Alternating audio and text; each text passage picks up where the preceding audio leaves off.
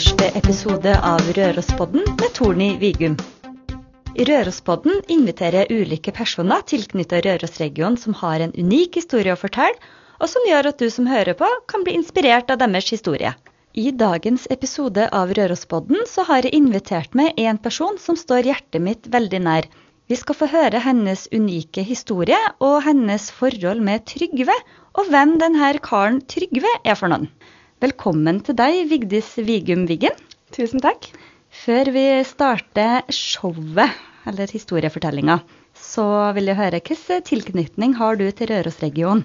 Jeg er født og oppvokst her på Røros. Jeg bodde her nesten hele livet. Eh, mesteparten av familien min bor på Røros, og nå har jeg altså to unger. En i barnehage og en på skole. I fjor Vigdis, så ble du kjent med Trygve. Hvem er Trygve? Trygve er altså hjernesvulsten min, som dukka opp i fjor sommer. Hvordan fant du ut Vigdis, at uh, en Trygve var på besøk, eller er der? Var der? Det begynte med Det var som å slå på en bryter, og så fikk jeg verdens verste hodepine. Det kom som lyn fra klar himmel, rett og slett, og var veldig intens og veldig vond. Og jeg har aldri kjent en sånn smerte i hele mitt liv før, i hvert fall. Så det starta med ei hodepine Ja. som kom over natta. ja. Eh, når var det du oppsøkte lege? Eh, det starta på en torsdagskveld, og så eh, ble det jo egentlig ikke noe bedre den helga. Så jeg var til legen på mandag, da. Eh, Da fikk jeg beskjed om å ta mer Paracet, som selvfølgelig ikke hjalp. Så jeg, var jeg på et nytt legebesøk, og da fikk jeg beskjed om at det var bihulebetennelse. Og da mm, fikk jeg antibiotika for det, eh, og det hjalp heller ikke. Så etter ca. en og en halv uke med hodepine, så begynte kreftene mine på venstresida å, å svikte, rett og slett. Litt sånn balanseproblemer. Jeg kunne gå rett fram, og så plutselig skjene jeg til venstre, og så krafta i venstrearmen svikta. Begynte du å tenke noe rundt det, at det kunne være noe annet enn det legen hadde sagt til deg da? Med både ja og nei. Eh, det stemte veldig bra med den plassen jeg hadde vondt i hodet, med bihulebetennelse. Eh, men samtidig så var det jo en smerte som jeg ikke hadde kjent før, så jeg skjønte jo at det var noe som var galt. Og mamma var jo kanskje den som var mest bekymra. Hun kommer ikke på om hun trodde det var hjerneblødning eller ikke hva jeg hadde. Eh, og jeg googla jo òg. Det første jeg googla, var jo faktisk hjernesvulst. Det vet jeg. Da, da ringte du til meg vet jeg, og, Ja. og sa at du hadde googla det, og det var det første du fikk opp. Vi tenkte jo ikke at det var det. Det er jo selvfølgelig ikke det. Det er jo aldri det verste du googler. Eh, men i dette tilfellet her så var det jo faktisk det. Men hvor lang tid tok det fra du hadde de første symptomene til du fikk diagnosen hjernesvulst? Det gikk faktisk en måned. Det tok eh, fire uker, ja, cirka litt over det. Eh, og da ringte Da var jeg på CT, da, i mellomtida, og uten at de så en der.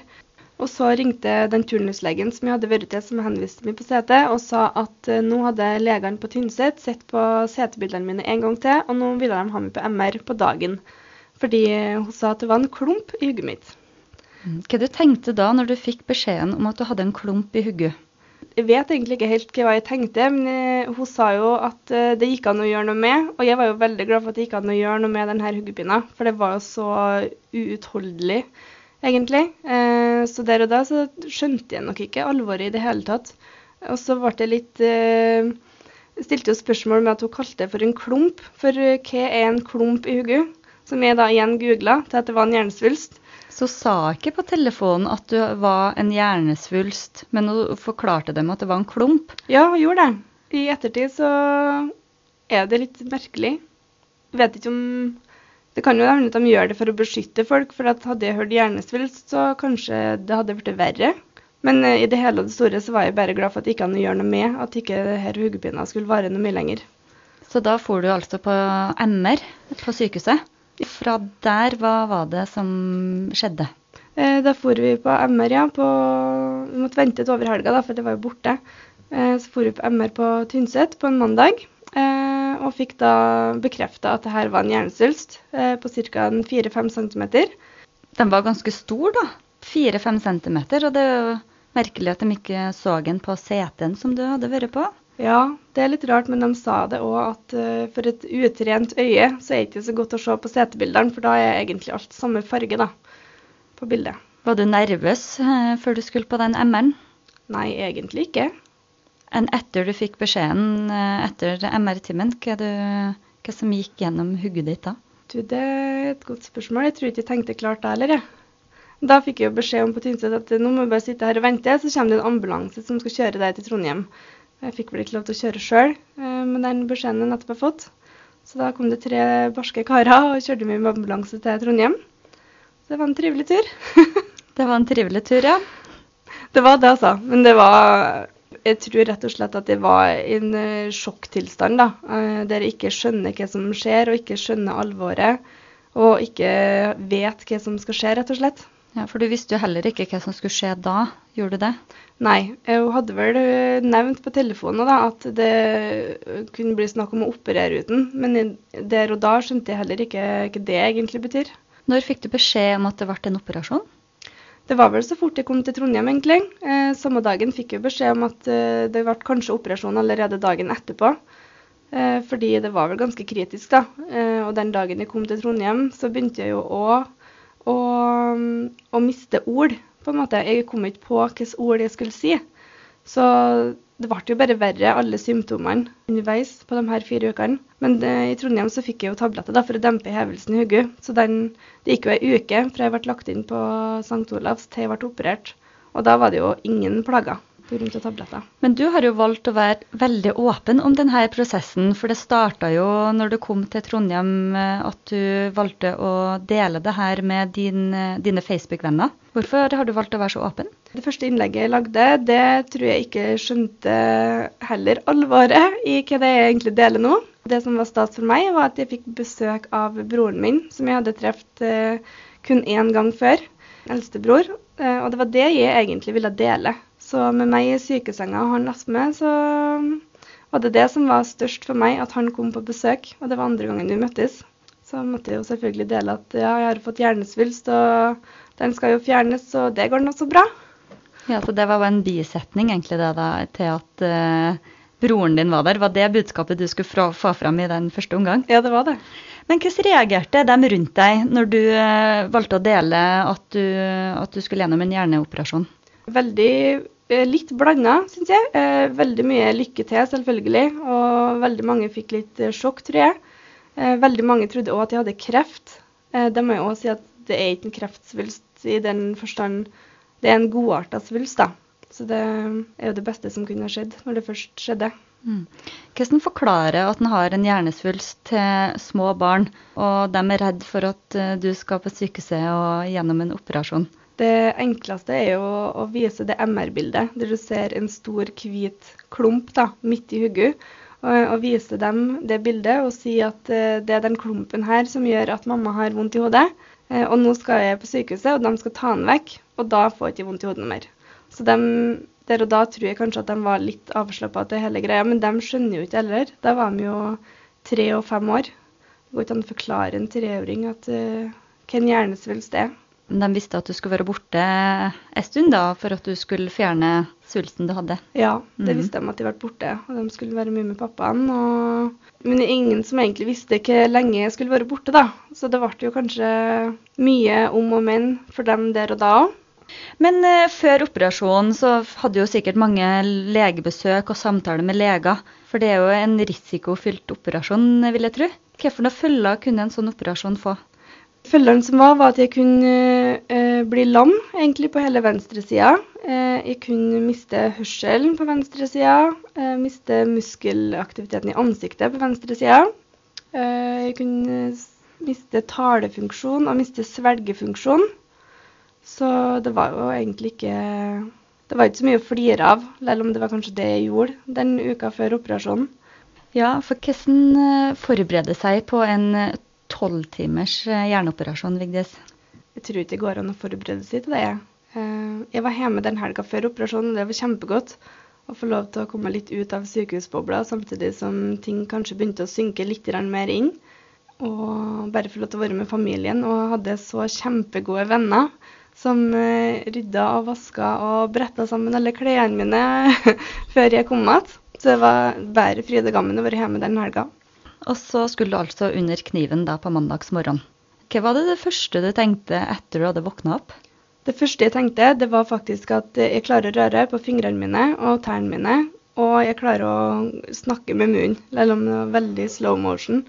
Så det var jeg kjempefornøyd med. fordi det med å, denne risikoen med at jeg kunne miste talefunksjonen og ikke snakke med ungene mine, det var kanskje det jeg frykta mest. Så du var glad for at du kunne prate. Men eh, det, fikk du noe følger av denne operasjonen? Ja, jeg gjorde det. Eh, ikke så mye, heldigvis. Jeg er døv på venstre øre. Eh, og så fikk jeg jo Jeg var veldig skjev i begynnelsen fordi musklene i venstre side av ansiktet tok på en måte ferie. Eh, de tok ferie noen måneder før de begynte å rette seg helt sjøl. Så nå per dags dato så er det ikke så veldig mange som ser det. Det er kanskje mest meg sjøl som merker det. Men det er i hvert fall retta så mye, så jeg har vært kjempeheldig. Og så har jeg hatt dobbeltsyn og nedsatt lukkevirksomhet på venstre øye. Så derfor har jeg òg gått med lapp da, foran øyet eh, siste året. Du har vært litt hobbypirat? Jeg har vært hobbypirat. Har du fått noen kommentarer på det? For det er jo ikke alle som går rundt med en lapp på ene øyet. Hvilke kommentarer har du fått på det fra folk som ikke kjenner historien din? Jeg tror 99% av kommentarene kommer fra unger. Og det er egentlig veldig herlig, da. At unger tør å spørre. Og de spør jo selvfølgelig eh, hva er det med øyet ditt? Har du vondt i øyet? Og sånne ting. Så de forklarer jo litt sånn enkelversjonen, da, at uh, øyet mitt ikke kan lukkes. Så jeg må bare ha plaster for å beskytte det, rett og slett. Mm. Men hvordan eh, var tida etter operasjonen, Vigdis? Tida etter den første operasjonen, det var egentlig ganske tungt, da. Første uka var vel kanskje den verste uka jeg har hatt i mitt liv, tror jeg følte meg, eller var, veldig hjelpeløs. Jeg, var, jeg kunne nesten ikke Jeg fikk ikke lov til å gå på do for meg sjøl. Jeg måtte bare ringe i snora når jeg skulle ha mat, når jeg skulle ha drikke, når jeg ville ha opp vinduet, når jeg ville lukke vinduet. Klarte ingenting sjøl. Og matlysten var ja, svært liten, kan en si. Så får ikke så mye næring inn, og da får ikke så mye energi heller. Mm. Hvordan eh, klarte du å holde motivasjonen oppe, eller hvor henta du motivasjonen din hen? Den første uka så tror jeg ikke jeg henta noen motivasjon i hele tatt, noen plass. Um, men så fikk jeg en dusj uh, den fredagskvelden, tror jeg, uh, fem, fem, dager etter operasjonen. Og den snudde om på alt. Jeg vet ikke hvorfor det, men det er sikkert psykisk. Å få vaska det som var igjen av hår, skulle jeg si, og alt bare ble ja, det var som å snu på en 50-åring. Alt ble så bra etterpå. Matlysten kom sakte, men sikkert, og klarte å se litt lysere på ting. Og fra den fredagen etter dusjen, da, har du bare gått eh, framover? Ja, det har det. Heldigvis. Så bra. Hva er det som driver deg? Det som driver meg, er vel kanskje tanken på hva som kunne vært verre. At eh, jeg føler meg heldig som er døv på ett øre, kontra det å være lam på ene sida. Eh, det at jeg klarer å snakke, og det at jeg klarer å svelge, og alt det som ikke gikk verre, da. Hva har tilvenninga vært med å bli døv på det ene øret og ikke kan se på det ene øyet? I begynnelsen så hadde jeg veldig lite dybdesyn. Så det å beregne avstand til ting, alt ifra å gå på en sti og beregne hvor høyt du skal løfte føttene over kvistene, til å tømme noe oppi et glass, det har skjedd at jeg bomma. Så det var en uh, liten tilvenning. Uh, det med hørselen er vel kanskje det som har merkes mest, fordi ting høres veldig annerledes ut med bare ett øre. Veldig var for støy uh, og lyder, og dess flere lydkilder, dess mer rot blir det egentlig bare til meg. Har det gjort at du får noe mer begrensninger i hverdagen din? Ikke sånn egentlig, men jeg har vel kanskje lagd litt begrensninger sjøl, kanskje på det sosiale. Jeg er ikke eh, så sosial som jeg kanskje skulle ønske at jeg var, med å delta på større sammenkomster. På alt fra bursdagsfester eller eh, ja, sosiale lag i det hele tatt. da. Det, det nok, jeg unngår nok det litt mer enn jeg ønsker. Men det var jo ikke bare negative ting som skjedde etter, eh, etter denne operasjonen, Vigdis. Det var jo ikke bare hørselen på venstresida som ble borte, og synet på det venstre øyet. Du fikk jo faktisk kjøpt deg et hus. Det gjorde jeg. Eh, jeg tror at det kanskje var litt takket være hjernesvulsten. Eh, og litt takket være rådgiveren min i banken. Det var rådgiveren min i banken som av egen vilje sendte meg de, eller fikk forsikringsselskapet til å sende meg de papirene for at jeg skulle da løse ut min forsikring da, som eh, innebar hjernesvulst. Og det var vel kanskje den siste dråpen jeg trengte for å kunne komme inn på boligmarkedet. Så bra. Så da ble det oppussing og innflytting til nytt hus da, til jul i fjor. Det ble det. Vi flytta inn lille julaften i fjor og våkna opp på julaften. Og det var det beste julegaven jeg kunne fått i fjor. Så bra. Men nå skal vi litt tilbake til en Trygve. Eh, hvorfor har du valgt å kalle hjernesvulsten din Trygve? Det er ganske enkelt fordi at jeg googla. Eh, eh, og så googla jeg Jeg kom over en blogg der det var ei dame som hadde fått en svulst. Og hun hadde gitt navn på den. Så tenkte jeg ja, men da må jo jeg gi navn på svulsten min. Og en svulst er jo en tumor, så tenkte jeg da må den hete noe på T, og så selvfølgelig må det være en mann. Eh, så da ble det Trygve humor Trygve. Det er litt for å ha humor på det og gjøre det litt mer eh, humoristisk, da, ikke så alvorlig. Så du er altså da gift med en Trygve da for tida? Jeg er gift med en Trygve. Vi er under en skilsmisse akkurat nå. Du, hvordan har eh, svulsten forandra synet på livet? Det får absolutt meg til å sette litt mer pris på de små tingene. Nå er jo ikke jeg noe begrensa i hverdagen sånn, med ting som jeg kan gjøre og sånn, egentlig. Men uh, de små tinga betyr så mye, altså. Og det er alt fra positive tilbakemeldinger fra alle, egentlig, og, og til ting jeg klarer som jeg ikke klarte f.eks. like etter første operasjonen. Det med å klare ungene sine. Det har jo bare gått framover.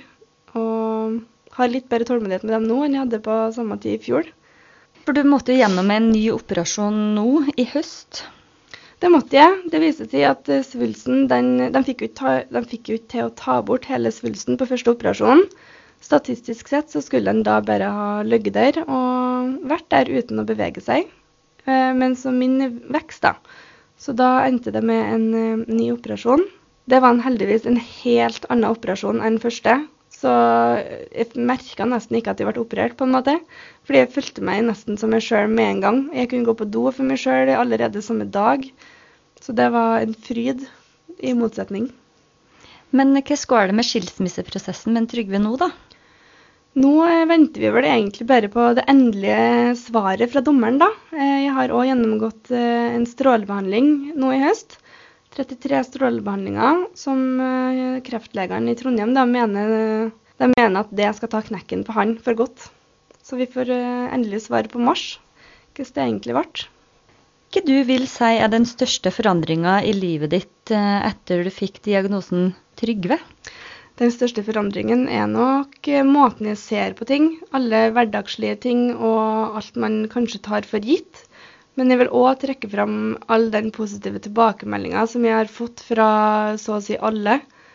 Hele veien fra jeg starta å dele om det. Og det har nok bygd en ganske sterk sjøltillit. Jeg føler jo på en måte at, uh, at jeg kan takle hva som helst, da.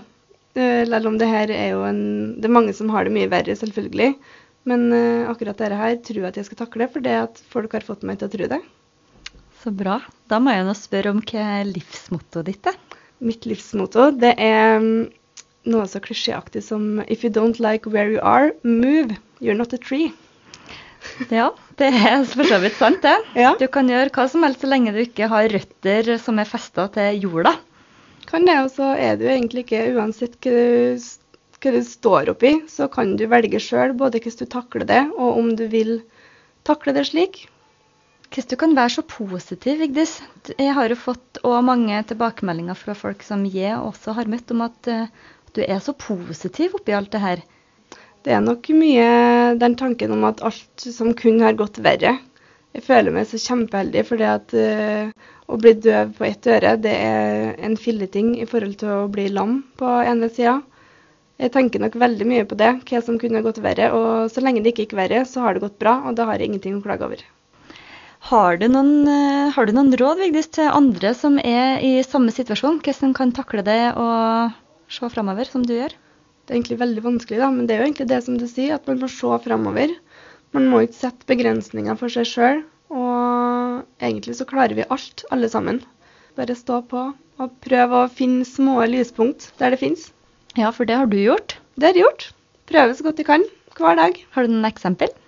Et eksempel er jo nå når jeg var på pasienthotellet under strålebehandlinga mi. Og, og, det som eh, fikk meg til å få en kjempebra dag, det var at uh, ved frokostbordet så var det oppdelt ananas uten skall istedenfor med skall. Og da bare Yes, det her blir en bra dag. Ja, og så vet jeg jo Vigdis at favorittdagen din er mandag. Hvorfor det? Favorittdagen min er faktisk mandag, ja. Eh, jeg elsker hverdager. Eh, er, jeg liker rutiner, eh, og når ting går i kontrollerte former, skulle jeg si. Og så tenker jeg at alle har jo mandag som den verste dagen i uka. Og da vil det jo bli litt sånn motsatt, for hvis du tenker at mandag er den beste dagen, da kan jo uka egentlig bare bli bedre, når egentlig så er dagene bedre. Men hvordan ser framtida di ut nå, Vigdis, med Trygve og alt? Forhåpentligvis så er vi skilt for godt i mars, når jeg får eh, endelig svar. Eh, ellers så ser framtida mi ganske A4 ut. Eh, her på Røros med unger og hus og hverdag, og forhåpentligvis så kommer jeg meg tilbake i full jobb. Det er målet mitt. Og forhåpentligvis på nyåret så er, så er du da skilt med en Trygve, Vigdis. Har du da tenkt på at du vil ha en ny Trygve, men kanskje en annen form? Uh, Trygve, hvis Trygve er så grei at han flytter ut uh, uten noe mer kamp enn dette her, så skal jeg være veldig fornøyd med det. Og jeg er ikke på jakt etter noen ny Trygve, uh, verken på ene eller andre måten. Har det bra som har det. Høres bra ut. Da ønsker jeg deg lykke til, Vigdis, med skilsmissen og med framtida. Tusen takk for eh, at du tok deg tid til å fortelle historien din. Sjøl takk. En stor takk til Vigdis som kom hit og fortalte sin historie om hjernesvulsten Trygve. Og tusen takk til dere, kjære lyttere, som hørte på. Dere finner også Rørospodden på Instagram og Facebook under navnet Rørospodden. Hør på neste uke, da kommer allerede episode nummer to. Ha det bra!